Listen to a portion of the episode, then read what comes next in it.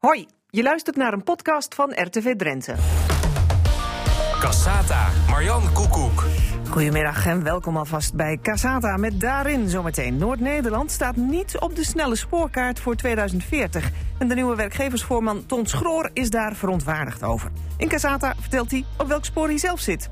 Verder oud-Kamerlid Harm Brouwer, die zijn inspiratie haalde uit gesprekken met echt rode Drenthe en daar een boekje over schreef. En tafelgast is Frank Duut. Hij is opnieuw lijsttrekker voor 50PLUS bij de komende statenverkiezingen. Cassata, Marjan Koekoek. Welkom bij Casata, politiek en achtergronden bij Radio Drenthe. En het is alweer aflevering 1042. Het noorden wordt overgeslagen bij de landelijke toekomstplannen voor het spoor... vindt de nieuwe werkgeversvoorzitter in het noorden, Ton Schroor. Zometeen eens horen op welk spoor hij zelf zit... en welke piketpaaltjes hij misschien wil slaan als uh, nieuwe werkgeversvoorzitter. Verder in deze uitzending oud-Kamerlid Harm Brouwer... over de inspiratie die hij vond bij 23 Drenten en over de vraag wat hij daarmee wil gaan doen natuurlijk. Dat na half één. Maar eerst onze tafelgast. Dat is natuurlijk een van de lijsttrekkers van de partijen... voor de komende statenverkiezingen. 20 maart mogen we weer met z'n allen naar de stembus. Vandaag hebben we Frank Duut van 50PLUS te gast. Welkom. Goedemiddag, dankjewel. Ja. ja, tot dusver hadden we lijsttrekkers die het nog helemaal moeten maken. Uh, die hebben nog niet eens een debuut gemaakt en die hopen op een zeteltje. Maar u hebt de afgelopen periode al uh, in de Staten gezeten. Ja. Uh, weliswaar in uw eentje, maar goed. Um, het is een beetje een gemene vraag, maar wat hebt u bereikt in die vier jaar? Nou, we hebben uh, nog niet echt eigen programma kunnen, kunnen bereiken. Maar dat was vooral omdat we het grotendeels met zittende college vaak eens waren. Die hebben wij veelal uh, gesteund. Mm -hmm. Ja. En daarmee bereik je ook iets. Maar specifieke punten, nee, de echtste oogsten, komt eraan. Ja, maar bent u dan heel nodig als partij? Als u zegt, uh, nou, we zijn het eigenlijk wel eens jazeker, wat er gebeurt? Jazeker, jazeker. Vooral, uh, vooral in Drenthe. Drenthe kent bijvoorbeeld de hoogste uh, ouderen van heel Nederland. Hè. De, de grijze, heeft de grootste vergrijzing van heel Nederland. Tegelijkertijd hebben we in Drenthe heel veel openbaar vervoer uit de dorpen geschrapt. Want er zaten te weinig mensen in en dan wordt het te duur enzovoort.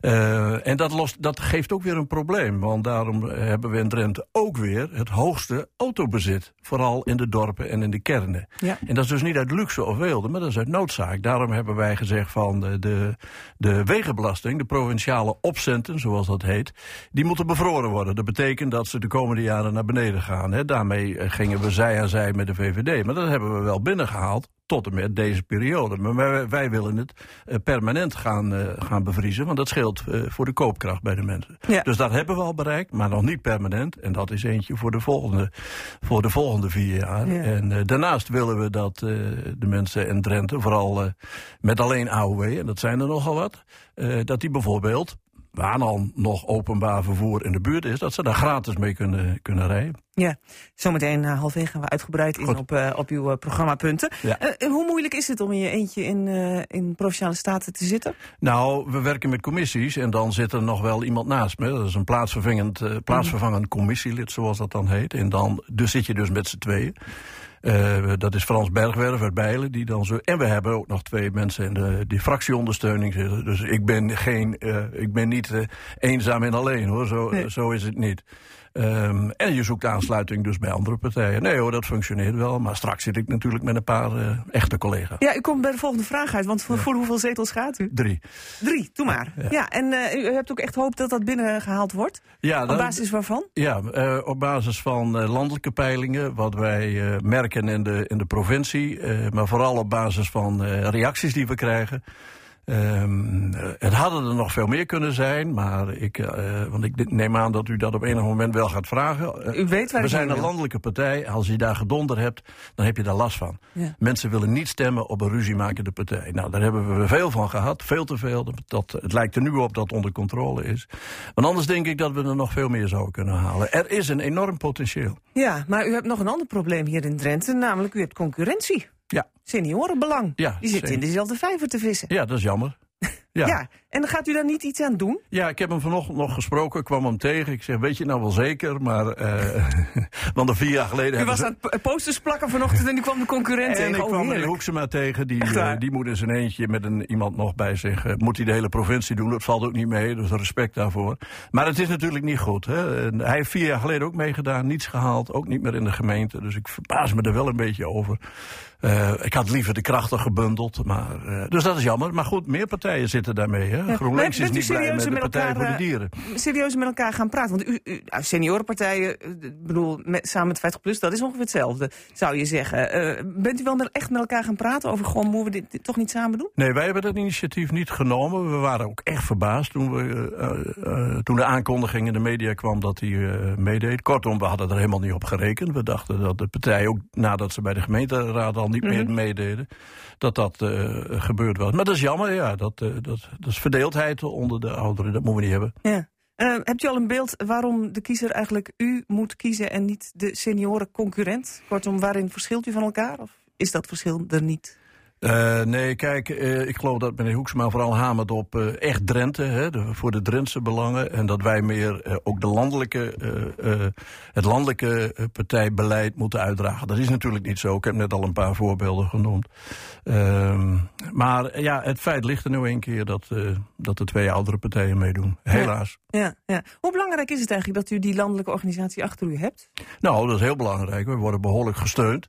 En eh, de, alle provincies hè, die trekken op, op basis ook mede van het landelijk programma natuurlijk. Je geeft provinciale accenten, waar ik het net al even over had. Eh, maar het is, eh, kijk, het valt niet mee hoor. Ik heb het vanochtend dus weer gezien. Hè, des te kleiner, des te, des te groter de job die je moet doen. Om ook in, nu in de hele provincie bijvoorbeeld alleen al dat, die borden beplakken. Maar als je een wat grotere organisatie hebt, kun je het verdelen. En dan ben je met meer. En het is ook leuker als je met meer bent. Ja. Hebt u veel contact in Den Haag? Eh, jawel, jawel. Eh, vooral, nou ja, bijvoorbeeld van mijn eigen partij natuurlijk. Hè. De Ja. Tweede Kamerleden ken je goed. Maar ik verkeerde vroeger, toen nog via een, mijn werkgever, ook veel in Den Haag. En eh, daar heb ik wel wat aan, merk ik. Ja, precies. Ja, u, u was in een eerder leven ook eh, van een andere partij, van de VVD. Ja. Ehm, in uw huidige programma hebben we toch nog eventjes alvast over het programma. Eh, niet zoveel marktwerking heb ik het idee, juist meer zorgen van de staat. Is dat zo dat u een beetje opschuift? Politiek Eh, gezien? nou, ik zal, in al, ik zal altijd eh, een liberaal blijven. Maar eh, nou ja, ik neem aan dat u niet, nu niet vraagt naar waarom ik niet meer bij de VVD ben. En Assen en de tijd is een ander verhaal. ja, nee, dan ga, niet al te, al te ver terug. Steeds een liberaal. Nou ja, goed, ik heb wel eens vaak in discussies. Ik, dacht, ik zat wel eens in discussies dat ik dacht van, nou ja, ik ben loyaal hè, aan de partij waar ik bij ben. En dan, maar ik heb wel eens ge- gedacht bij, op gemeenteraadsniveau bij bepaalde discussies. Ik dacht van, goh, dat standpunt is eigenlijk helemaal niet zo gek. Van bijvoorbeeld een SP of zoiets. Eh, eh, niet, niet, niet doorlopend hoor, maar een enkele keer.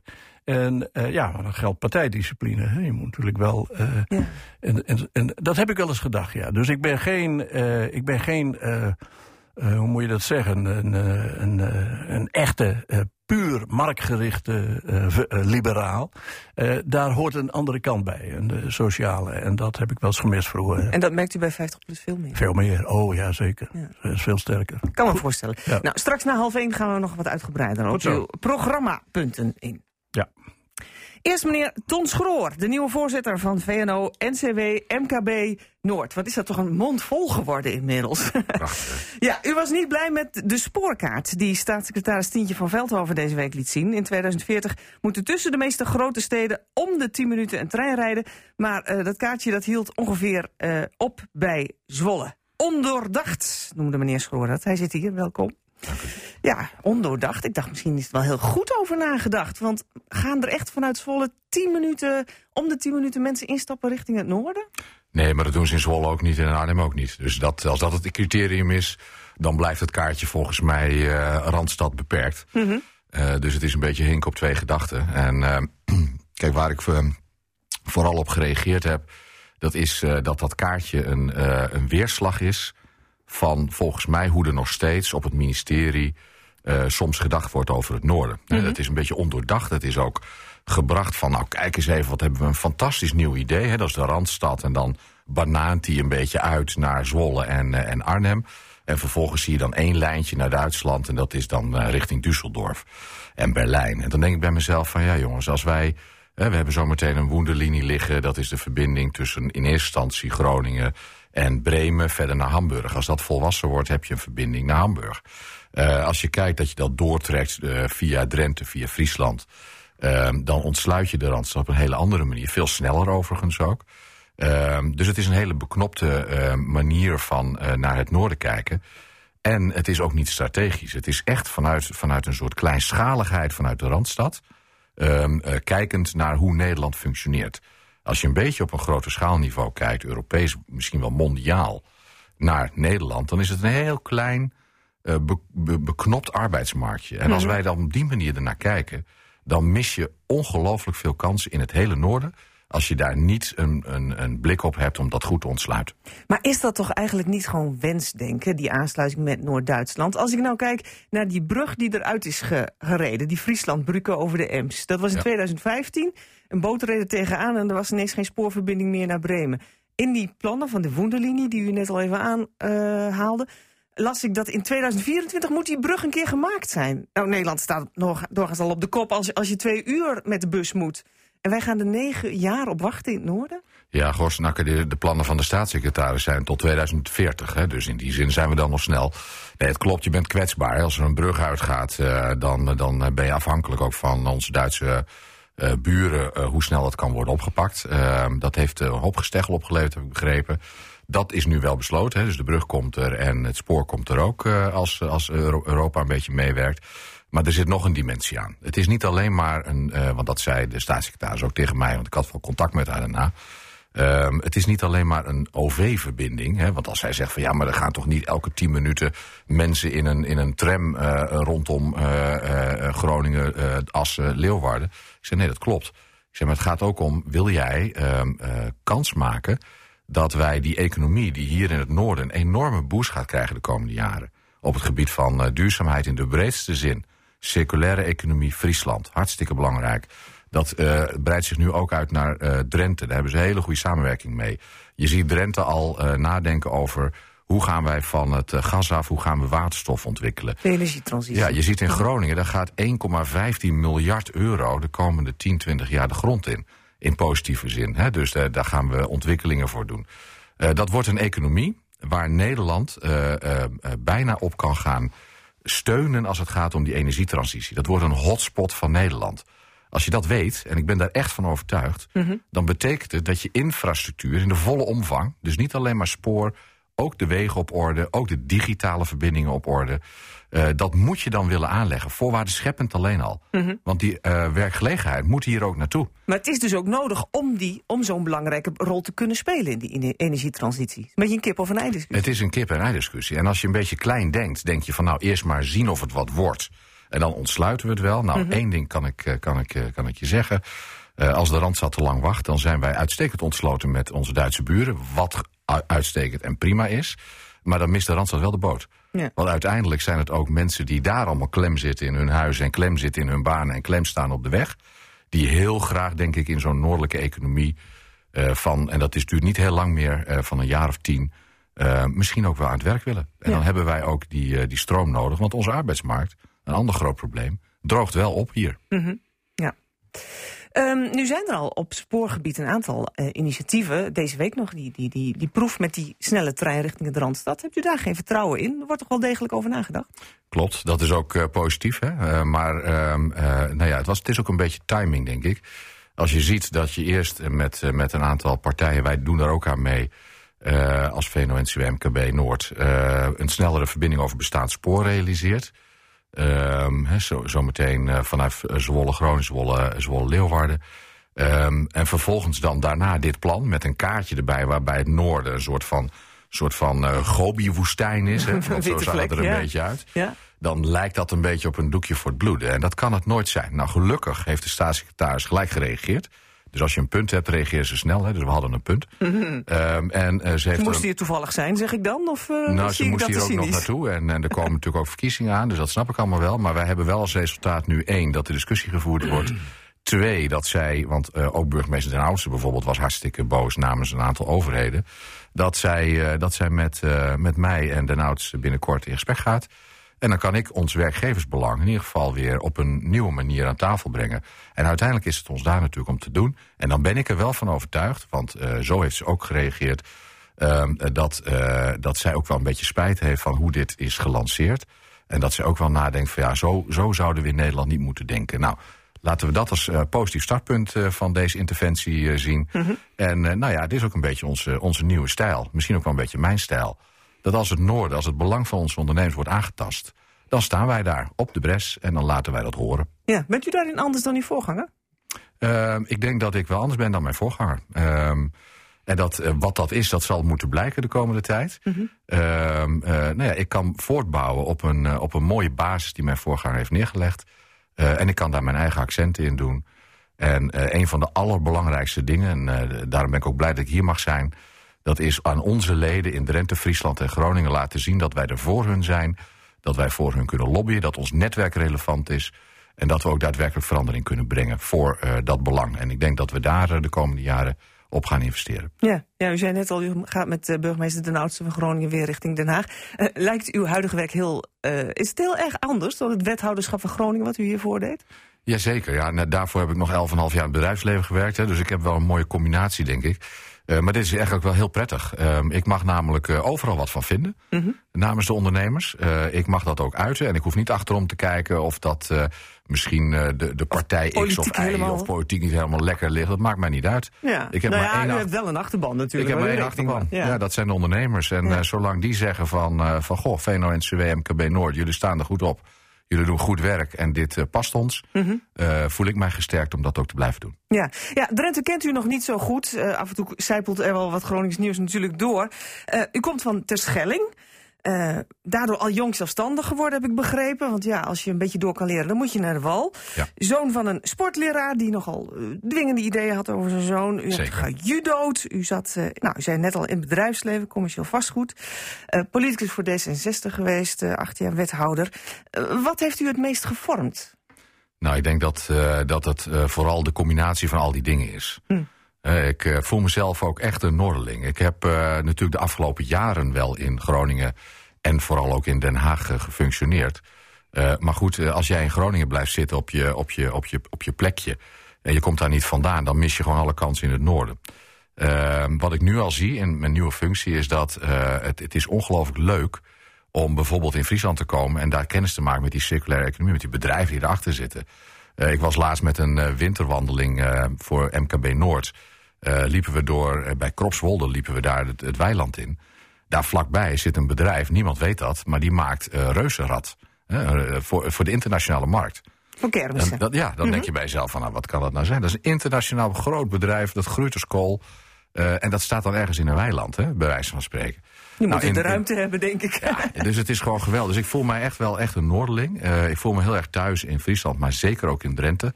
Ik heb hier, uh, nou, denk wel vijf en een half jaar ook gewerkt.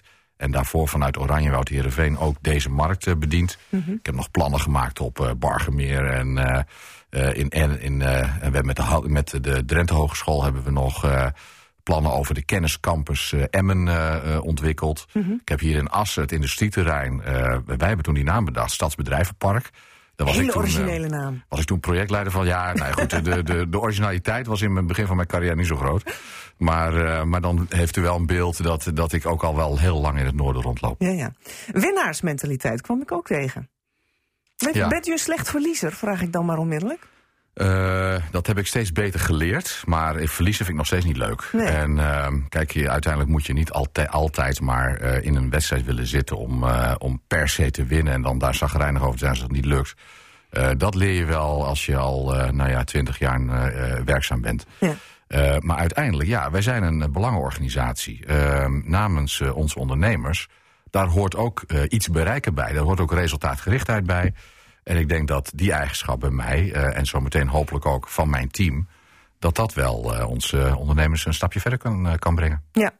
Wat wilt u bereiken? Als u zegt van nou, ik weet niet precies hoe lang u voor uzelf hebt bedacht dat u dit wilt doen, maar wat wilt u aan het eind van uw periode voor ondernemend en werkgevend Noord-Nederland hebben bereikt? Ja, dat zijn een aantal dingen. Ehm, er zijn dat, in eerste instantie dat wij de verbinding met onze leden weer naar een hoger niveau brengen. Dus is die echt, zo slecht? Nee, maar die kan wel beter. Nee. En wat ik daarmee bedoel is bijvoorbeeld...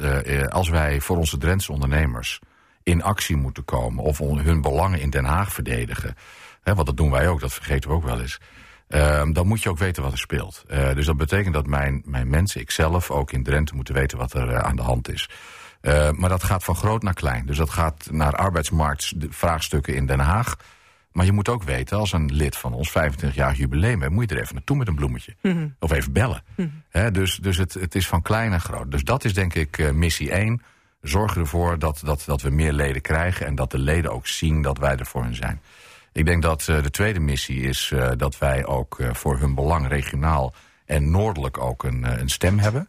Dus dat wij bij provincies, bij bestuurders aan tafel kunnen zitten en kijken van... Hey, is dit wel wat jij bedenkt als, als politicus? Is dat wel in ons belang voor het vestigingsklimaat of wat dan ook? En ehm, het derde punt is denk ik, er zijn een aantal grote thema's... waar onze ondernemers echt pijn van in het buik hebben over vijf tot tien jaar. Zoals? Nou, bijvoorbeeld uh, de arbeidsmarkt. Hè, dat, daar wordt heel veel altijd uh, over gezegd. Maar we hebben gewoon fundamenteel te weinig mensen. En dan is het antwoord van de overheid vaak... Uh, Oké, okay, dan gaan we de bakken leeg. Hè, bekend antwoord. Hè, dan gaan we naar onze, onze voorraad kijken. Ja. Ehm, en het tweede antwoord wat je dan krijgt is omscholen en bijscholen. Beide zijn goed. Maar beide zal het probleem zeker niet oplossen, kwantitatief gezien. Maar ook kwalitatief gezien niet. Als je kijkt naar wat er nodig is over een aantal jaren. Zeker niet als die economie waar we het net over hadden... die gigantische boost krijgt op het gebied van duurzame energietransitie. Um, dus wat er moet gebeuren is veel radicaler. Mm -hmm. Wij zullen moeten gaan nadenken, en dat is politiek uh, altijd heel erg ingewikkeld... maar wij moeten misschien wel nadenken hoe wij in het noorden... meer met bijvoorbeeld de Green Card discussie kunnen gaan werken. Waarom zouden wij niet positief arbeidsmigratie... moeilijk onderwerp hier in Nederland, naar ons toe kunnen trekken? Dus mensen van buiten de EU die hier willen werken die skills en kwaliteit hebben... hier gewoon uh, uh, kunnen faciliteren om aan het werk te gaan. Waarom kunnen wij niet meer dwingend onze internationale studenten... hier een arrangement aanbieden dat je studeert hier af, prima... vijf jaar lang ga je hier ook aan het werk. -hmm. Uh, moeten, moeten we nog als werkgevers zo flexibel zijn met uh, bijvoorbeeld deeltijdwerk? Ja. Je kijkt ook echt uren. naar het buitenland dus daarvoor. Ja, het is, het is, het is een heel brede discussie. Maar uh, laat ik het zo zeggen. Om over vijf tot tien jaar onze bedrijven niet in een situatie te brengen... en dat gaat echt snel hoor... dat we in een economische recessiemodel komen... omdat we gewoon de mensen niet hebben... of bij elkaar wegkopen, nog erger. Mm -hmm. He, want dan gaat eentje namelijk heel hard groeien, degene die koopt... maar ja. die andere valt zo twee jaar terug in ontwikkeling als het een klein bedrijf is. Uh, of gaan we naar radicale oplossingen kijken... en uh, zorgen we ervoor dat die economie in het noorden blijft uh, doorgaan. Nou, dat is allemaal ook de onderlegger van onze reactie op die, op die bereikbaarheidsplannen. En zo zijn we weer terug. Zo is het kringetje weer rond.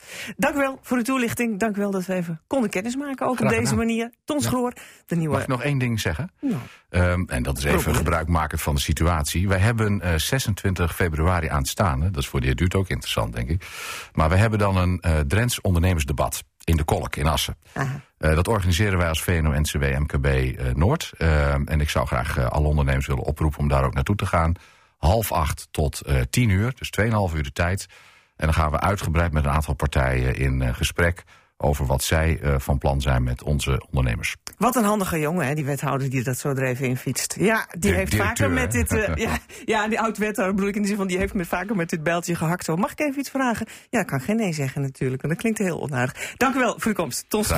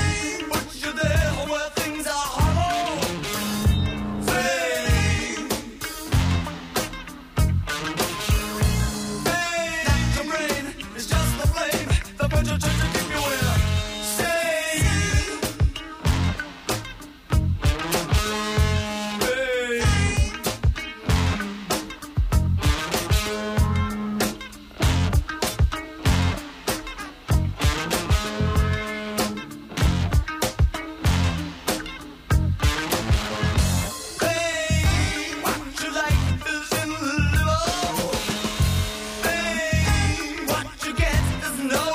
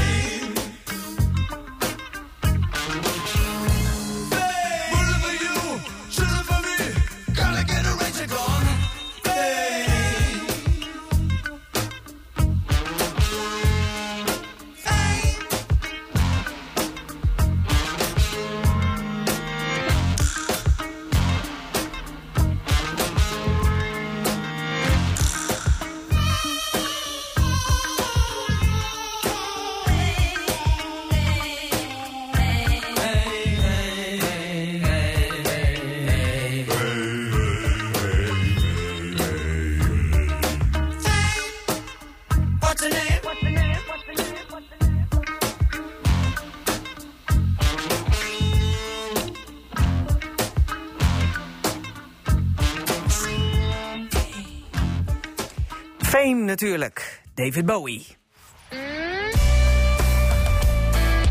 Cassata, Marjan Koekoek. Zometeen oud-Kamerlid Harm Brouwer uit Elderwolde... die een boek maakte van interviews die hij deed met, nou, laten we maar zeggen... echt rode Drenthe. Zij zijn zijn inspiratie.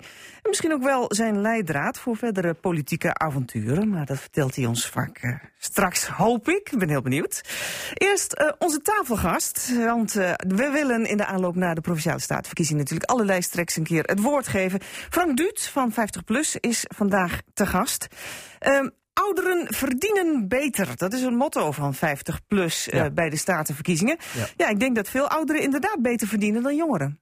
Uh, nee, dat is niet zo. Nee. Het is ook maar hoe je het bekijkt. Ja, de uitdrukking is bekend. Die, de ware ja. betekenis van die uitdrukking kent ja. u natuurlijk ook wel. Zeker. Dat, uh, maar reageert u maar eens. Maar het is afgeleid van, uh, van ons, uiteraard ons landelijk programma, hè, die, waar, waar men de positie van ouderen wil verbeteren. En het is een gegeven, een feitelijk gegeven van het CBS, van het NIBUD, dat van alle groepen die we hebben in, in hè, jeugd, werkenden, uitkeringstrekkers, de mensen met alleen AOW, ja, die lopen 30% achter qua mm -hmm. koopkracht. Ze bungelen echt helemaal onderaan. Dus ja. ze verdienen echt beter. Er moet echt wat aan gedaan worden. Alleen AOW is niet heel veel. Nee. nee. Uh, nu speelt ook iets heel anders. Die uh, discussie over pensioenen, die niet direct met de AOW te maken heeft, maar met het aanvullend pensioen. Hoe sterk volgt u die?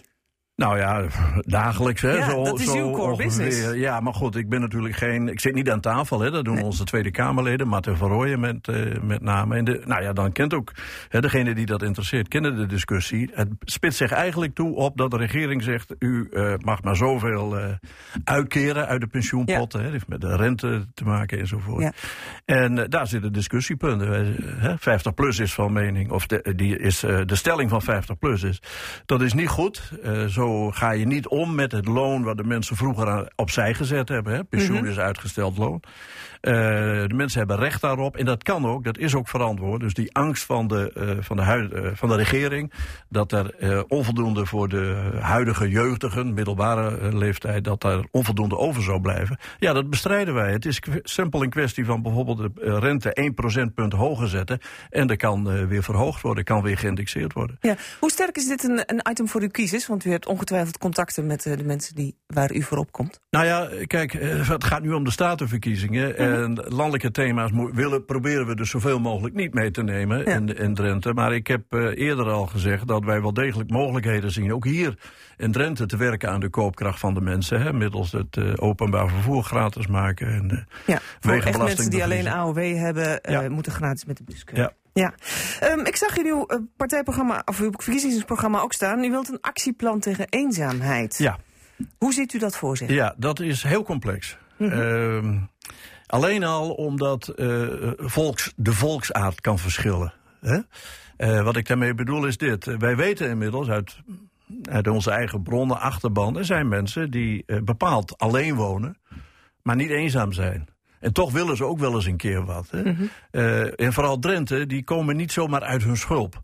En die willen ook geen etiket opgeplakt hebben. Verder weet ik uit mensen bij de provincie, de ambtenaren die ze, uh, sorry, uit de, van de gemeenten die zich daarmee bemoeien, die lopen daar ook tegenop. En die wijzen daar ook op. He, je kunt niet even een bejaardentehuis inlopen en zeggen van hier komen, want u bent eenzaam en we gaan vandaag naar, uh, naar de dierentuin. Zo werkt dat niet. Mm -hmm. uh, dus het is, daar zit veel meer kennis achter die ik ook niet allemaal heb en wij als partij ook niet. Maar daarom hebben wij gezegd, we moeten de deskundigen van de gemeente, die moeten bij elkaar brengen en we moeten een, een provinciebreed actieplan maken. Maar echt toegesneden uh, op, de, op die groep en wat de problematiek is. Want nogmaals, uh, wat ik opgepikt heb uit, uit eerdere discussies en in publicaties ook... en van de, die sociale club die zich daar in Drenthe mee bezighoudt... de meetgegevens bijhoudt.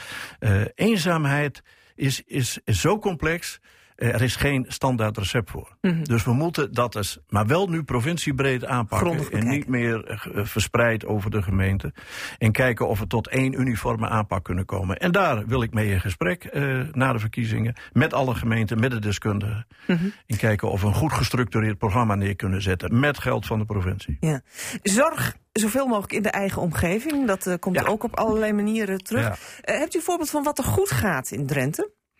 Uh, nou, de, uh, de, de, op het niveau van de huisartsenzorg is niet best, maar het gaat nog wel. Mm -hmm. En wat, je, wat ik ook weet, van, uh, ja, kijk, tenzij je natuurlijk hele zware uh, aandoeningen krijgt, dan wordt een ander verhaal.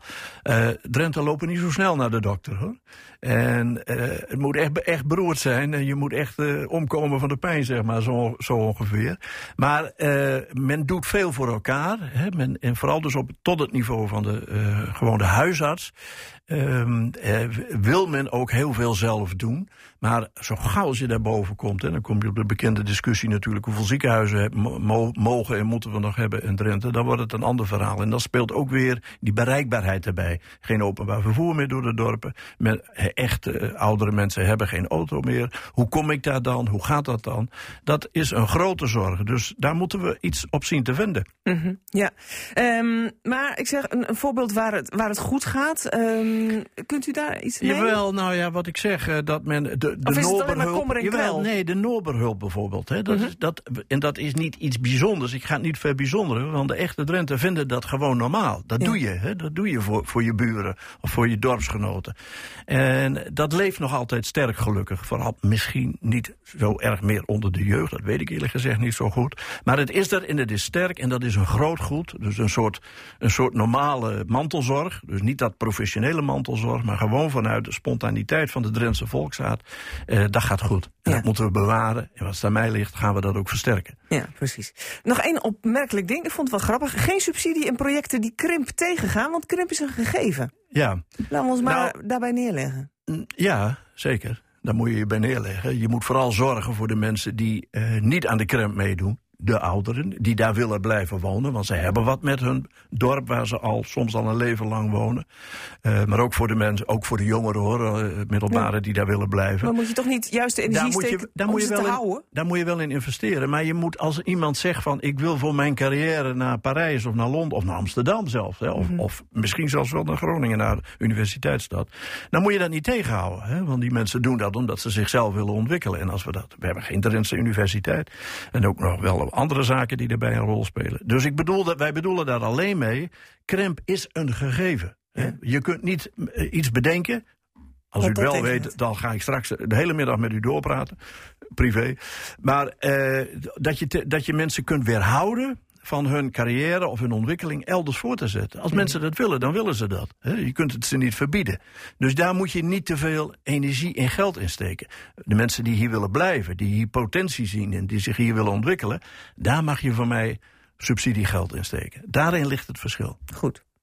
Frank Duits, straks na één uur hebben we nog een heleboel stellingen voor u waar u ook op uh, mag reageren.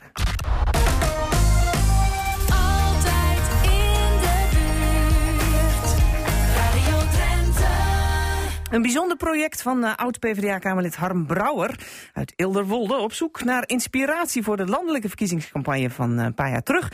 interviewde hij 23 Drenthe en hij besloot daar een boekje van te maken. Brouwer zit hier aan tafel. Goedemiddag. Goedemiddag. Waarom dat boekje? Waarom dat boekje? Um, dan moet ik toch weer terug, zeg maar na twee jaar terug.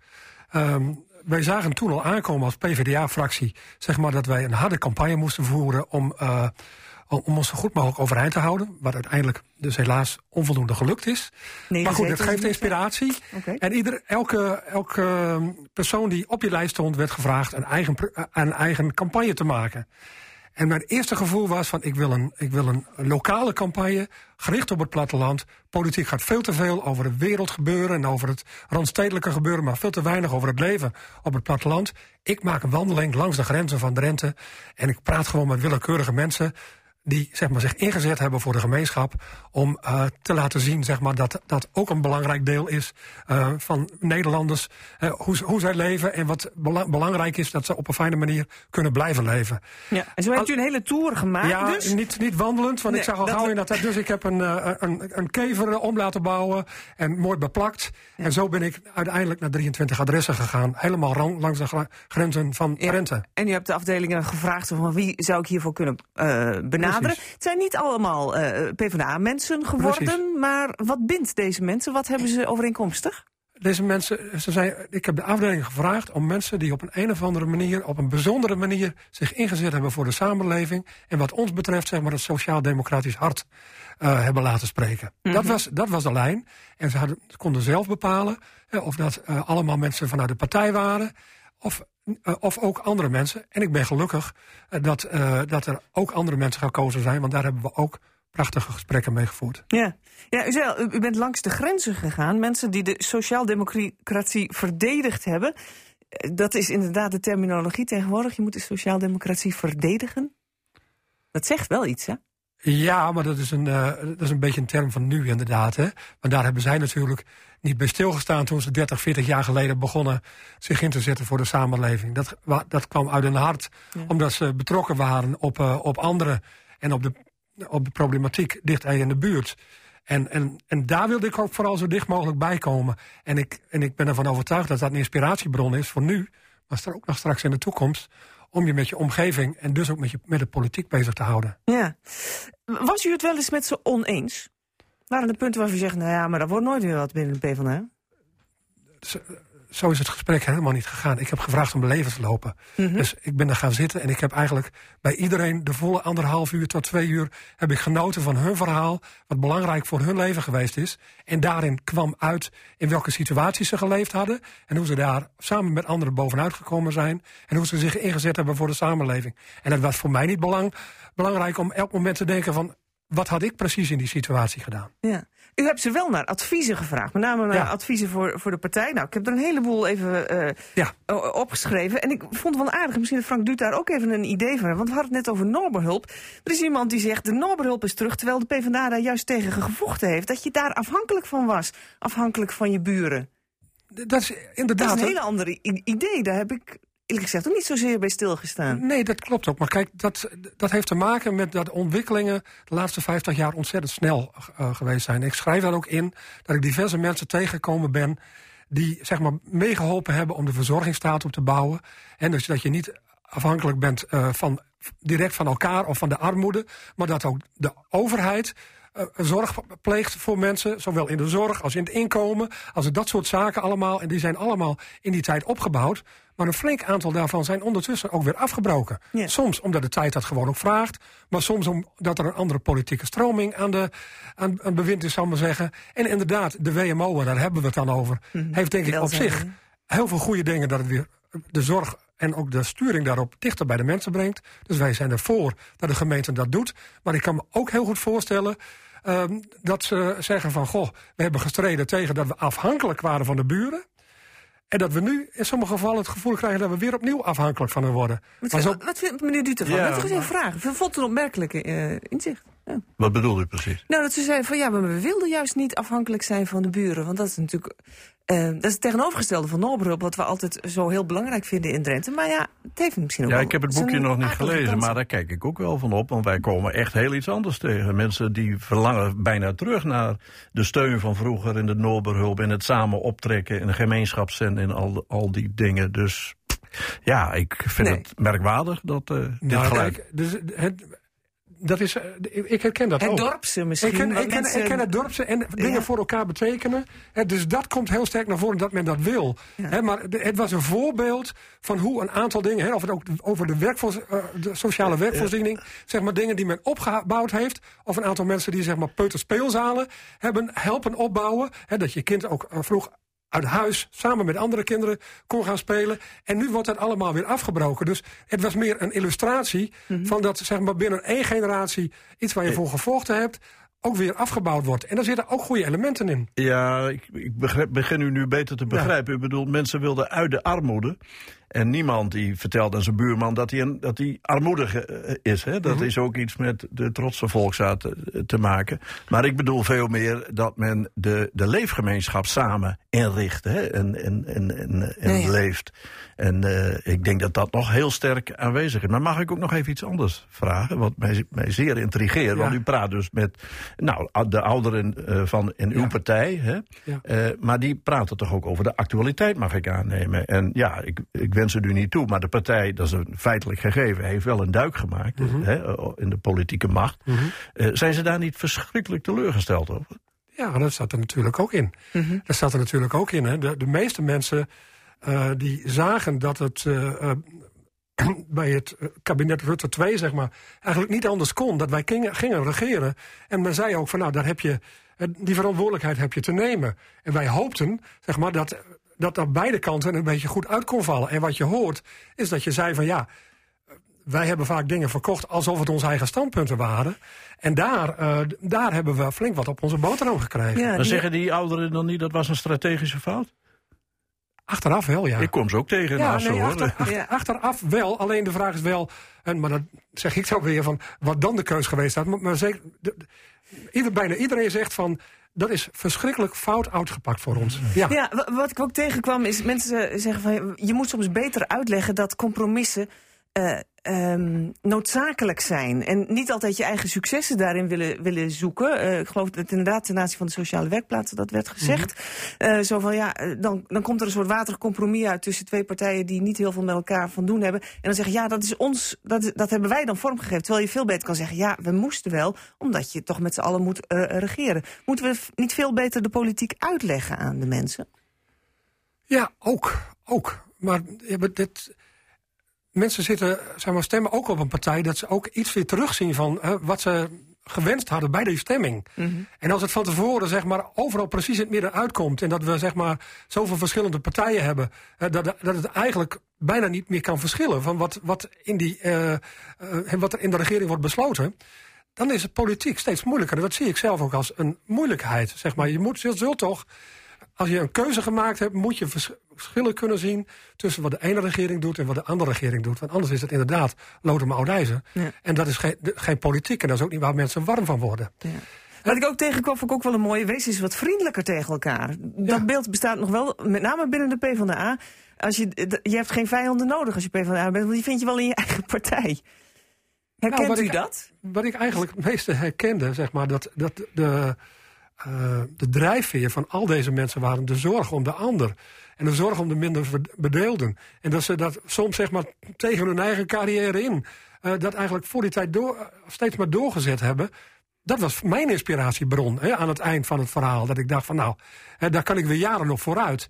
En inderdaad, eh, ehm, wij kennen binnen de partij, maar daar staan ook voorbeelden van. ook wel ehm, ook wel gebeurtenissen, zeg maar, waarvan je denkt van, ah, heeft dat nou te- zoveel te maken met goed met elkaar omgaan? Maar we zijn soms zo betrokken op die buitenwereld, dat we even vergeten dat dat daarvoor nodig is dat je ook op een goede manier met elkaar omgaat. Maar ik zie dat de laatste tijd, hè, gisteren waren we met 55 mensen bij elkaar, om, waar ik het boek aan Kees Bijl heb eh, gepresenteerd. Maar daar zie je toch steeds meer in- terugkomen dat we het samen ook goed moeten hebben. Ja? Ja, wat mij nou, intrigeert, meneer zo hoor, eh, boeiend hoor, daar niet, niet van. Maar wa- wat je heel vaak hoort over uw partij, eh, al jarenlang, hè, in, al, in zijn algemeenheid, Ja. de kloof tussen de, eh, de intellectuele.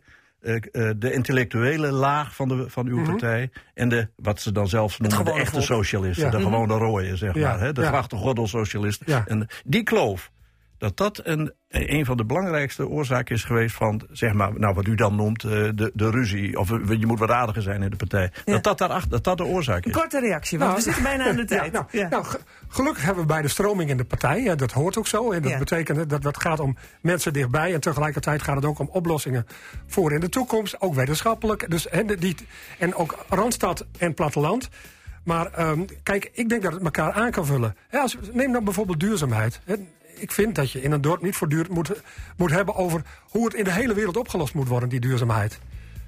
Maar wij als PvdA kunnen wel iets bieden iets dat we daar goed, in, daar goed in meepraten. En ook zeggen van dat is absoluut nodig voor de toekomst. Maar op het lokale politiek kunnen we zeggen, maar hoe kunnen we dat dan hier dan doen? In de, dichtbij vormgeven. Hoe kunnen we zorgen dat de huizen beter eh, geïsoleerd worden? Hoe we samen misschien kunnen komen om tot energiecoöperaties en dat soort dingen. Zo kun je dus elk groot vraagstuk ook weer terugbrengen naar, dichtbij. Ja. En ook denken dat je geen radicale oplossingen moet nemen. Maar dat het ook staps, mensen moeten het ook bij kunnen houden. Cassata.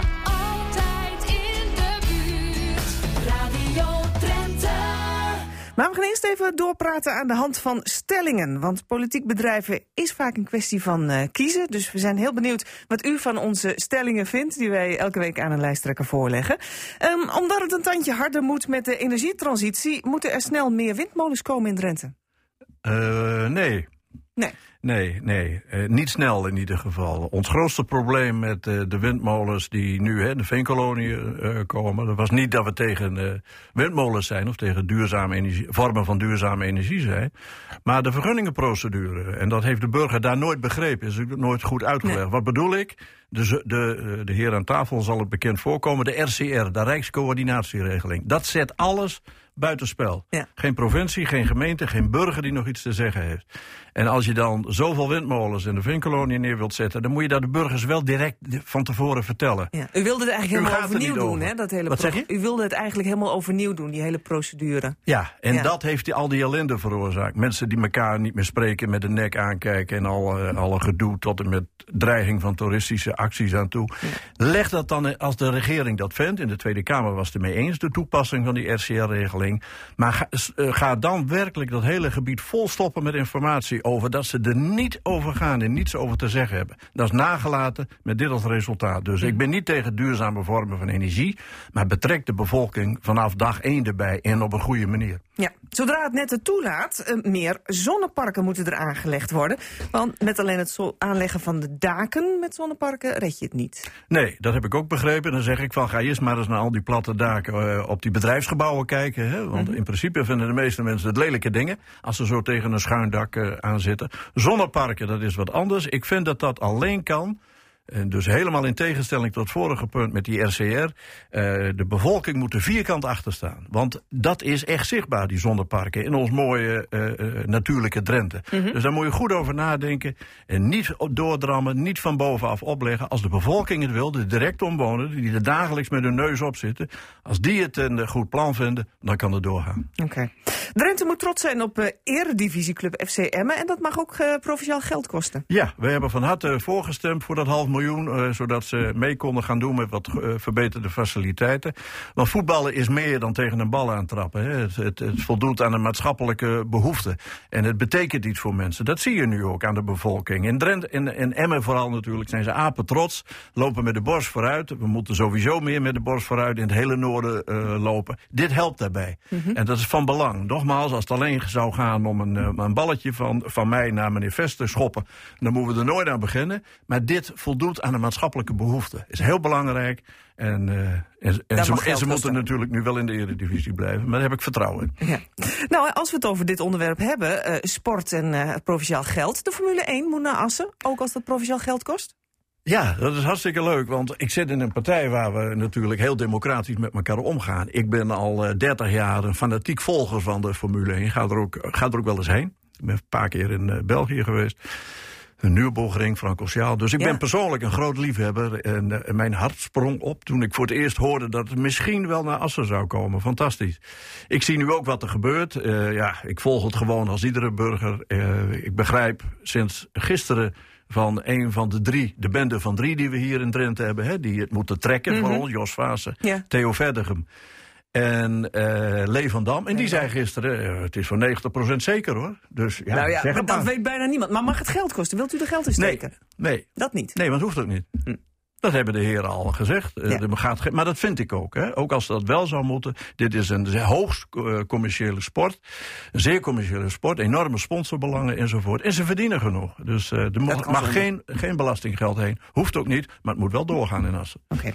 De N3 eh, N34 moet hoe dan ook verdubbeld worden. Ja, volledig. Helemaal. Uiteindelijk, ja. We hebben nu geen geld voor volledig verdubbelen. Het gaat om veiligheid, het gaat om mensenlevens. Eh, en ik vind dan moet je echt alle registers opentrekken voor volledig verdubbelen. Eh, die gevaarlijke kruisingen nu verdubbelen, dat zal al, eh, al helpen. Dus dat is goed, maar als het aan, als het aan mij ligt, dan volledig verdubbelen. Ja. Groningen Airport Eelde moet ook in de lucht blijven. Ja, Ook? ik had gehoopt dat u me dat niet zou vragen, want die vind ik lastiger. Ja. Ehm, wij hebben bij de laatste keer dat we daarover moesten debatteren in de Staten... en eh, hebben we gezegd, voordeel van de twijfel. Wij hadden grote moeite. Binnen de fractie eh, was er ook verdeeldheid. En we hebben gezegd van oké, eh, we stemmen voor. Hè, Eh, eh, 13 miljoen doet Drenthe op het totaal van 46, zeg ik uit mijn hoofd. Dat is een heleboel geld, dat is een heleboel belastinggeld. Qua draagvlak is het heel verschillend. Ik heb het eh, toen we veel in Emmen waren met onze partij, eh, zei iedereen van wel, nee, moet je niet doen. Hè. Stop maar in de dierentuin. En als je de mensen in Noord-Drenthe vraagt, die zeggen nee hoor, kan niet genoeg geld ingaan. Maar ik vind dat er nu uitzicht moet komen op een eh, perspectief, rendement. Het hoeft kostendekkend minimaal. Als dat er niet komt, hebben wij gezegd, dat was ons standpunt de afgelopen periode in de Staten, dan hebben we gezegd, dan moeten we ermee stoppen. Maar eh, je krijgt voor nu nog het voordeel van de twijfel. Laat zien dat het letterlijk kan vliegen. Hè, niet alleen figuurlijk, maar letterlijk dat, er, dat je eh, perspectief hebt op enig rendement. In minstens kostendekkend, dat er geen belastinggeld meer heen hoeft. Dus je krijgt nog één kans en laat zien dat het kan. Ja, u noemde net al Wildlands. Moet daar dan geld heen? Nee. Niet als er zoveel verlies gedraaid wordt. Dat is allemaal belastinggeld. Hè? Emmen staat voor, uit mijn hoofd even, 60 miljoen. Ja, dat is een gigantisch bedrag voor zo'n eh, gemeente. Als we straks, als straks, ik hoop het niet, maar als straks de conclusie moet zijn van jongens, we hebben ons grandioos vergist. Het concept werkt niet, het deugt niet, het klopt niet. Dan moet je niet doormodderen, want dan gaat er nog steeds weer meer belastinggeld in. Maar dan moet je er een streep door zetten. En dan maar failliet laten gaan en hopen dat er een, eh, nieuwe ondernemer in wil springen. Ja, een alternatief. Maar je moet niet doorgaan met belastinggeld in een, in een, een, een, put zonder bodem te stoppen. Dat lijkt me niet goed. Ik hoop dat ze het redden en dat het goed komt, maar ik heb er weinig fiducie in. Het Goed. concept deugt niet. De stellingen waren dat voor 50 plus. Frank Duits. Cassata, het radioforum. Ja, en dan komen we uit bij het radioforum. Eh, standaard natuurlijk met... Erik Sings, lid van de VVD-fractie in de Tweede Kamer en woonachtig te Assen. En co-vester van de onafhankelijke partij Drenthe, oftewel de OPD. de OPD. En Frank Duut mag daar natuurlijk ook helemaal in meedoen. Want eh, des te leuker eh, dat we met z'n drieën kunnen discussiëren over een aantal actuele eh, stellingen. Ehm, ja, ik wil het nog eerst even hebben over de klimaatspijbelaars. Die jongeren die afgelopen week de straat opgingen... in navolging van hun Belgische leeftijdsgenoten... ehm, eh, ook wilden laten horen dat er meer moet gebeuren aan het klimaat. Mij viel vooral op dat er zoveel cynische reacties waren. Ja, d- ik hoop ook dat kl- eh, klimaatspijbelaars dat een geuzennaam is. Want ik ben erg trots op de jongelui of de mensen die er geweest zijn. En ik heb meer problemen mee met, eh, het, met de toeschouwers... die als eh, naar de rampen zaten te kijken van een afstand... als to- een soort toerist, het rampentoerist... maar zaten ze te kijken naar de, de tienduizenden jongelui. Die, eh, die, ja, de- ik krijg er een heel trots gevoel van. Ja. U hebt het meegemaakt in Den Haag misschien? U, zat, eh, u was in Den Haag? Klopt, ja, ik was in Den Haag. Eh, ik heb er toch een beetje een gemengd gevoel bij. Eh, enerzijds eh, heb ik ook altijd mijn kinderen geenthousiasmeerd. En zo ben ik vroeger ook geenthousiasmeerd. Als je je ergens betrokken bij voelt, laat dat weten. Eh, dus aan die kant zeg ik, hartstikke goed. Ehm, en ik hoopte er eigenlijk ook een beetje op dat het merendeel wat daar ook inderdaad aanwezig was... ook die stelling inderdaad eh, aanhing. Eh, wat ik in de praktijk echter zag, was dat ook een hele hoop jongelui eigenlijk er een dagje uit van gemaakt hadden. En dachten van, joh, laten we eens een keer naar Den Haag toe gaan. Ehm, de snackbars hebben echt een topomzet gedraaid. Heb je dat gecontroleerd? Dat heb ik. Dat Dat heb ik. Dat heb je dat gevraagd? Nee, nee, dat- je neemt een aanname Nee, dat is van geen dat, u- aanname, dat nee. ze voor een dagje uit Hij was waren. zelf in Den Haag. Ik- ja, je stond erbij en je keek ernaar. Want je, was- heb jij gesproken met al met Ja, 5000, ja, de helft heb jij gesproken. Van jullie zijn er voor jullie plezier hier, een dagje uit. Voor eigen geld. Nou, laten we even, laten we even teruggaan naar de basis. Ehm, ik heb eh, gelukkig een goed stel ogen. Eh, ik kan eh, goed, goed kijken wat daar gebeurt. Ik heb ook gezien eh, dat een, een hoop jongelui inderdaad helemaal eh, geen gebruik hebben gemaakt daar van eh, het Malieveld om daar te gaan protesteren. Die hebben een dagje eruit van gemaakt. Ik heb ook een hoop jongelui daar gesproken. Ik zeg, wat doe je hier eigenlijk? En die begonnen wat lacherig te doen. Ehm, bij de McDonald's was het ook echt heel erg druk. De snackbars hebben geweldig gedraaid. Mijn zoon heeft daar ook een horecabedrijf, was ook erg blij met de omzet. Dus ik kan je vertellen dat dat een goede zaak was. Dus dat is mijn gemengde gevoel wat ik erbij heb. En dan kan Covester natuurlijk daar direct eh, heel erg schreeuwerig over gaan doen. Maar ik zei ook, ik heb er gemengde gevoelens bij. Er zal ongetwijfeld een groot gedeelte van die lui, jongelui zijn die zegt van joh, wij gaan echt daadwerkelijk daar protesteren. Eh, maar ik heb ook het, eh, het gevoel, niet alleen het gevoel, maar ook de bevestiging gekregen daar, dat een groot gedeelte dacht van joh, laten we een dagje op pad gaan. We gaan Den Haag een keer bekijken. Prima. Ik wil zeggen, hoe erg is dat, dan? Dat is, eh, dat is ook heel maatschappelijk dat is- bewustzijn dat? Is, dat is niet erg. Ik zeg ook niet dat het erg is. Ik zeg ook iedere keer weer, ik heb er gemengde gevoelens bij. Want het gaat wel ten koste op dat moment van een dag onderwijs. Hè, want ene, de ene keer hebben we 10, 20.000 man op het Malieveld staan... die protesteren dat ze beter en meer onderwijs willen hebben... omdat ze dagen uitval hebben. En het volgende moment, dan trekken ze zelf een dag uit de kast... en gaan ze daar staan. Weet je, het, dat is allemaal wat dubbel. En eh, dan heb ik zoiets van, joh, er zijn ook andere manieren... Om met elkaar dit eh, op de agenda te zetten. Het is Dus- een dus maatschappelijke stage voor die, voor die jongelui Zeker, geweest. zeker, het is, ja. het is, ze hebben kennis gemaakt wat de politiek Zeker, kijkt niet overtuigd. Laat Nee, hoor. dat voor de radio jij- jij zegt, ik heb goede ogen. Hoe heb je met die goede ogen naar de, naar de klimaatproblematiek gekeken? Kijk daar dan eens met die goede Ik ogen wil naar. Frank, Frank Duut ook even het woord ik ben- geven. Eh, nou- Jongeren die, die voor hun mening opkomen. Daar is 50PLUS altijd heel erg blij mee. Dat is een, eh, een goed signaal. Vroeger had je geloof ik de patat-generatie, en nu de game-generatie. Maar er is ook gelukkig een heel groot deel die interesseert zich voor politiek. Moeten ze ook doen, want op een dag worden ze 50. Daar heb je hem weer. Daar heb je weer. Maar eh, wat ik even naartoe zou willen, ik begrijp de opvattingen van beide heren, maar nu even inhoudelijk naar het probleem zelf, die CO2-discussie enzovoort. Hè? Nou, ik, heb, ik weet dat niet, ik ben geen deskundige, eh, zijn we met z'n allen gelo- geloof ik niet. Ik volg de discussie vooral op de televisie, op nationaal niveau. En wat mij, ik zit met één probleem. Eh, de voorstanders zeggen het is absoluut noodzakelijk, hè, anders eh, gaat de zeespiegel omhoog en ons klimaat gaat eraan enzovoort. En de andere kant is, er wordt gezegd door een, een, een nationale politicus die zegt van luister eens even, wij gaan, wat was het, duizend miljard uitgeven en onze om buurlanden niet. En dat heb ik nog al een paar keer gehoord. En wat ik dan vervolgens mis, is een antwoord op die stelling van de politici die ervoor zijn.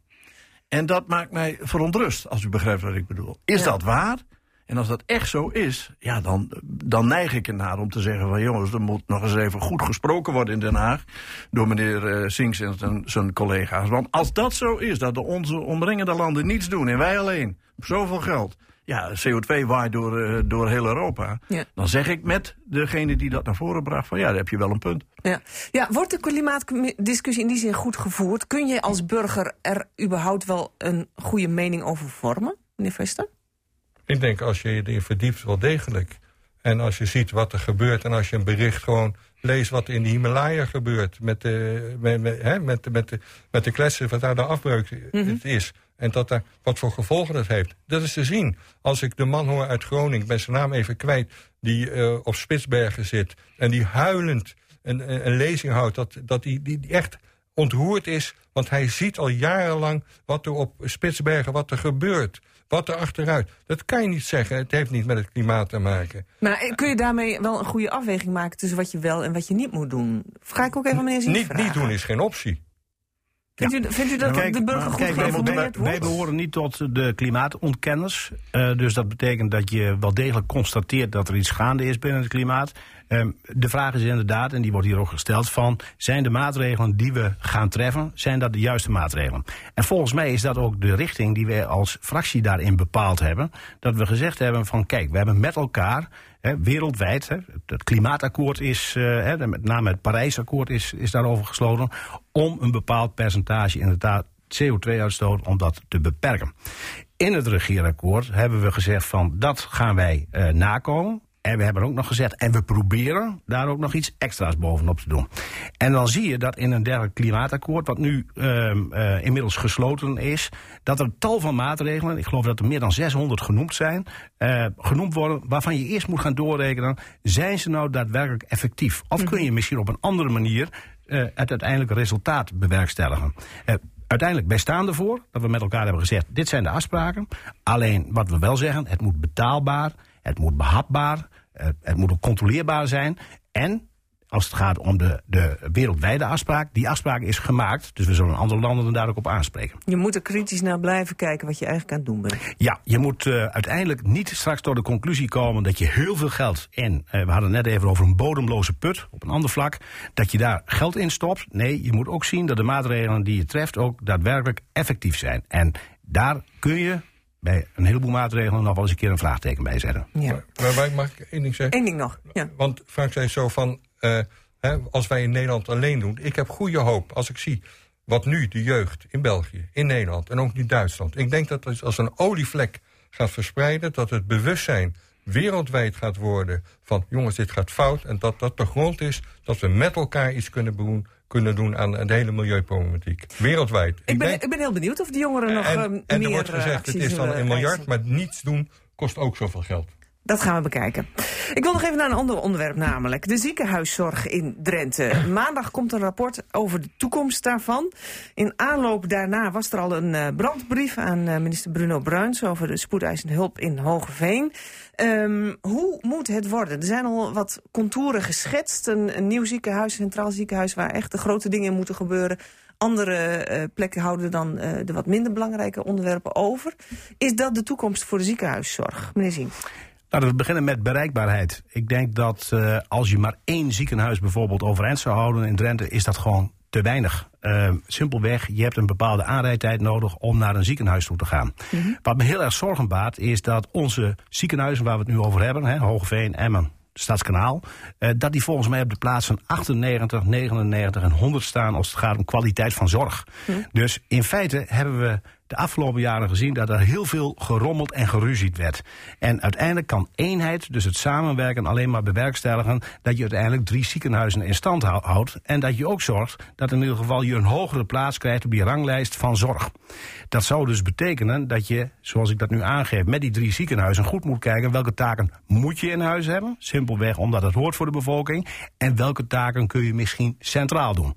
En daar is maar één oplossing voor. Met elkaar samenwerken. Zorgen dat je die, die zorg, die kwaliteit omhoog krijgt. En zorg dat ook in ieder geval dat die bereikbaarheid goed blijft. Want we zijn natuurlijk wat dat betreft een gebied waar we heel erg afhankelijk zijn van een ziekenhuis in de omgeving. Maar we hebben ook ziekenhuizen in Assen en Meppel natuurlijk. Je noemt nou alleen het Treant ziekenhuis Ja. waar heel veel te- om te doen was. Maar Ja. eh, ja. Nou ja, je ziet, je ziet dus dat met name daar de problematiek ligt. Ehm, en, en volgens mij is dat ook de reden geweest dat er daarom extra naar gekeken eh, wordt. Als je kijkt naar het Wilhelmina ziekenhuis, op zich, die hebben natuurlijk een samenwerkingsverband gehad, moet ik erbij zeggen. Maar die staan wel hoog in de lijstjes als het gaat om zorg. Eh, nog niet zo lang geleden, eh, de, de dochter van eh, onze secretaris van de fractie, die werd hier inderdaad voor een kniebehandeling eh, in Assen behandeld. Dus zij was hier zelf ook een week. Ik zei, wat moet je in Assen? Toen zei ze, ja, hier is de kwaliteit het best. Dus wat dat betreft zie je dat ziekenhuizen best in staat zijn om hun specialisme zodanig op te krikken dat ook van heinde en verre mensen hier naartoe komen. Alleen de basiszorg, daar heb ik het natuurlijk over, die moet gewoon goed op orde zijn op meerdere plekken. Ja, daar zal meneer Duut het vast mee eens zijn. Jawel, ja zeker. Dat, eh, dat, dat klopt ook wel. Ik vind ook dat we in het begin van deze discussie eh, veel te veel tijd verloren hebben met ruzie maken. Hè. Hogeveen stond erop en uh, Emmen stond op dit en ah, Stadskanaal op dat. Ja, we kunnen niet alles in eh, stand houden. Dat zie je ook rond het IJsselmeer, dat zie je rond Den Haag. Daar moeten ook ziekenhuizen sluiten. Eh, die luxe hebben we niet meer, dus moet je eh, ophouden met ruzie maken... en de, de spreiding eh, echt zuiver en eerlijk over Drenthe verdelen.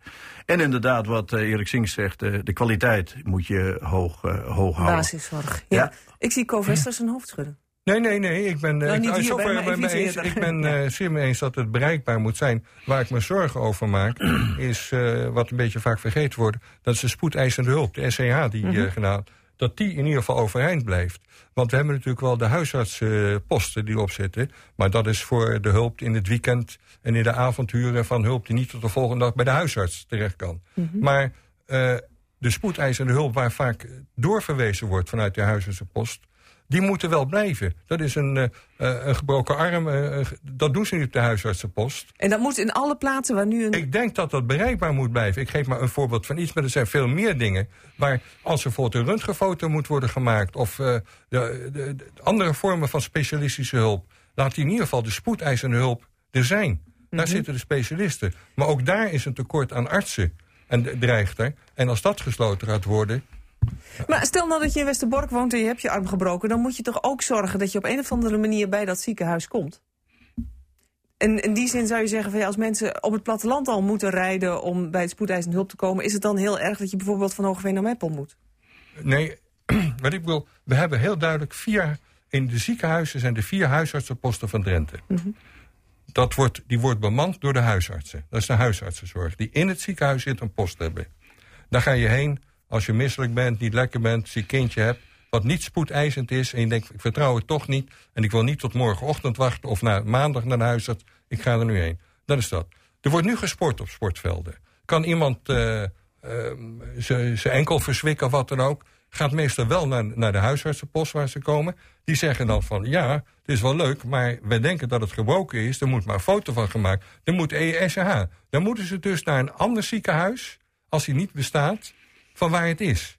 Dus ik pleit ervoor om in ieder geval de spoedeisende hulp direct acute zorg... die wat ernstiger is dan de huisartsenzorg... om die overeind te houden in het ziekenhuis. Ja, nee, dat begrijp ik op zich. Maar in Drenthe, waar we natuurlijk eh, grote afstanden moeten afleggen... is voor mensen op het platteland eh, is, het, eh, is een spoedeisende hulp nooit om de hoek. Dat wilde ik maar zeggen, meneer Duut. Ja, precies. Daar hebben we het eerder ook al over gehad eigenlijk. Dat, dat, dat is een specifiek probleem voor Drenthe. Die afstanden, kleine dorpen enzovoort, waar al heel veel verdwenen is. En eh, daar zul je iets moeten bedenken om in acute situaties daar toch eh, betere regelingen voor te krijgen. Ik kan wel een paar dingen bedenken, maar daar hebben we nu geen tijd voor, denk ik. Maar eh, da- da- dat is precies het punt. Maar je kunnen, ze kunnen natuurlijk... Alle, van alle punten kunnen we makkelijk binnen de bepaalde aanrijdtijd... naar de, naar de huisartsenpost, naar de ziekenhuizen komen in Drenthe. Eh, het, het vervoersprobleem is, dan moet je vaak bij de buurman met een auto hebben wat het is. Maar het is te bereiken allemaal, binnen, binnen, binnenzijds. Zo is ook de huisartsendienst opgezet ook in de vier ziekenhuizen. Vroeger hadden we meer posten, maar het is voldoende binnen een bepaalde verantwoorde aanrijdtijd daarheen toe te gaan. En daar wilt u aan vasthouden. Ja. Ja, Goed, eh, we gaan kijken hoe dat rapport eruit ziet. Het was even een vooruitblikje natuurlijk, want maandag wordt het maar gepresenteerd. een en dan zullen we horen wat specialistisch centrumziekenhuis in Beide bijvoorbeeld... Ja, dat wordt ze zeker door de mogelijkheden. Ja. Dat lijkt me heel reëel. Ja, precies.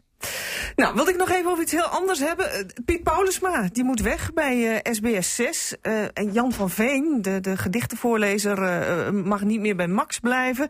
Nou, je kunt zeggen, ja, het is een, eh, een maximale houdbaarheid voor een heleboel mensen in de media. Aan de andere kant, ja, het zijn mensen die al een hele poos hun werk fatsoenlijk doen en eh, worden nu afgeserveerd. Ik dacht, ik ga het er toch even over hebben. Ehm Erik Sings, ga je Piet Paulusma missen?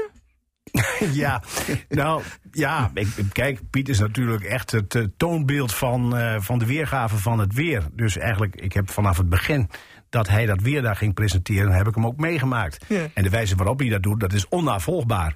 Eh, maar goed, kijk, andere tijden, andere eigenaar van een omroep, eh, andere keuzes. Eh, we hebben het hier bij RTV Drenthe ook wel gezien dat we wel een rijtje voorbij hebben zien komen. Dus eigenlijk geldt het voor iedere omroep. En we zagen het nu ook bij Max, nota bene de omroep die vaak ook inderdaad eh, een, een, een plek biedt voor mensen die al eerder hun rol vervuld hebben in omroepland, zie je dat die ook daar keuzes in maken. Dus wat dat betreft heeft het vaak ook te maken met, nou ja, keer op zoek naar wat anders. En nieuwe kansen, nieuwe rondes, of nieuwe rondes, nieuwe kansen. Ja.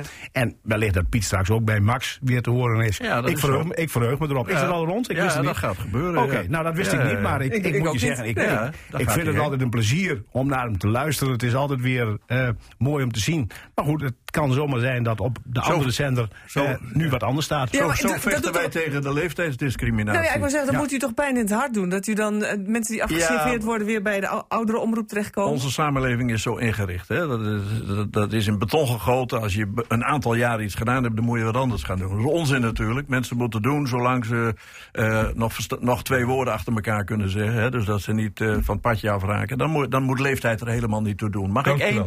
Mag ik nou, Confester is er een voorbeeld Zeker van. een voorbeeld van, ja. Is een zeventiger inmiddels, maar die gaat gewoon door. Hartstikke goed. Maar volgens mij zijn wij hier allemaal 50-plussers aan deze tafel. nou, dus kijk, dat betreft, zelfs voor Erik Maar- Sings maar- is dan? Oh, technisch Nou ja, Karel Post en Nee, eh, uw van het- presentator. aan de kant van het forum. Ik wil even één mooi voorbeeld, voorbeeld noemen van waar het publiek het niet pikte. U weet wat ik op bedoel? Eh, eh, sorry, ik mis me even. Er is één mooi voorbeeld waarbij het publiek zei van ho ho, dit pikken wij niet. Dat er, dat er iemand wegging. Ja, Felix Meurders bij Ja, Spijkers met. Koppen. Ja, hè? ja, ja, precies. Een massale storm van Ja. protest. Ja. Dus daarmee zei men, wat heeft dat nou met leeftijd te maken? Die jongen doet het goed, laat hem zitten, wij willen hem houden. Wij, eh, hè? Hij doet, levert prima werk. En eh, daar moeten we heen natuurlijk. Ja, dat, Dat- mensen dat op hun kwaliteit worden beoordeeld. Ja, precies. Ja, ja. Nou ja, goed, kwaliteit, daar ga, daar ga ik niet over. Hè. Daar gaat niemand over. Dat beoordeelt het publiek ook. Mhm. Maar als iemand gedragen wordt, met heel veel draagvlak heeft... dan moet dat eh, bepalend zijn. En niet omdat hij toevallig 65 is geworden... of eh, 25 dienstjaren heeft. Ja. Volgens mij was het daar ook in dit geval geen sprake van. Heb ik begrepen. Want als dat het geval zou geweest zijn met die 25 dienstjaren. had hij er in ieder geval nog een paar jaar eh, het weer kunnen gaan presenteren. Want dat heeft hij niet gehaald. Nee. Eh, oh, Piet Paulusma heb je het over. Ja, ja, precies. Nee, daarom. Nee, Nou, maar helder. Nou, volgens, mij, volgens mij zijn hier andere keuzes gemaakt. Ja. Omdat men, Nou, in de media spelen natuurlijk ook al, al- allerlei andere argumenten. Maar goed, het is wel weer een voorbeeld van hoe er met mensen wordt omgegaan. Meneer Vester, wil je nog iets zeggen? Ja, nee, ik zou Jan van Veen met zijn zoet gevoiste stem... die een gedicht voordraagt uit mijn jeugd... Dan gaat dat mee, denk ik, jeugdsentiment. Ik zal hem missen. Ja, ja, ja precies. Goed. Eh, dank u zeer voor uw bijdrage aan deze discussie. Frank Duut van 50PLUS, co-vester van de OPD... en Erik Siens, Kamerlid voor de VVD. Volgende week zit Margriet Benak hier natuurlijk weer.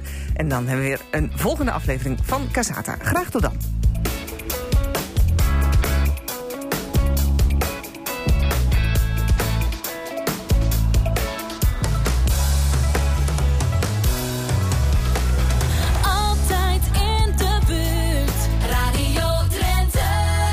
Je luisterde naar Casata. Dat is te beluisteren als radioprogramma op zaterdagmiddag, maar sinds kort ook als podcast.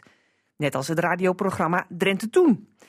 Vond je dit nou interessant? Geef ons dan 5 sterren en laat je beoordeling achter. En vertel het natuurlijk aan vrienden, familie en collega's, want daar help je ons mee, zodat we nog meer luisteraars kunnen bereiken. Tot volgende week.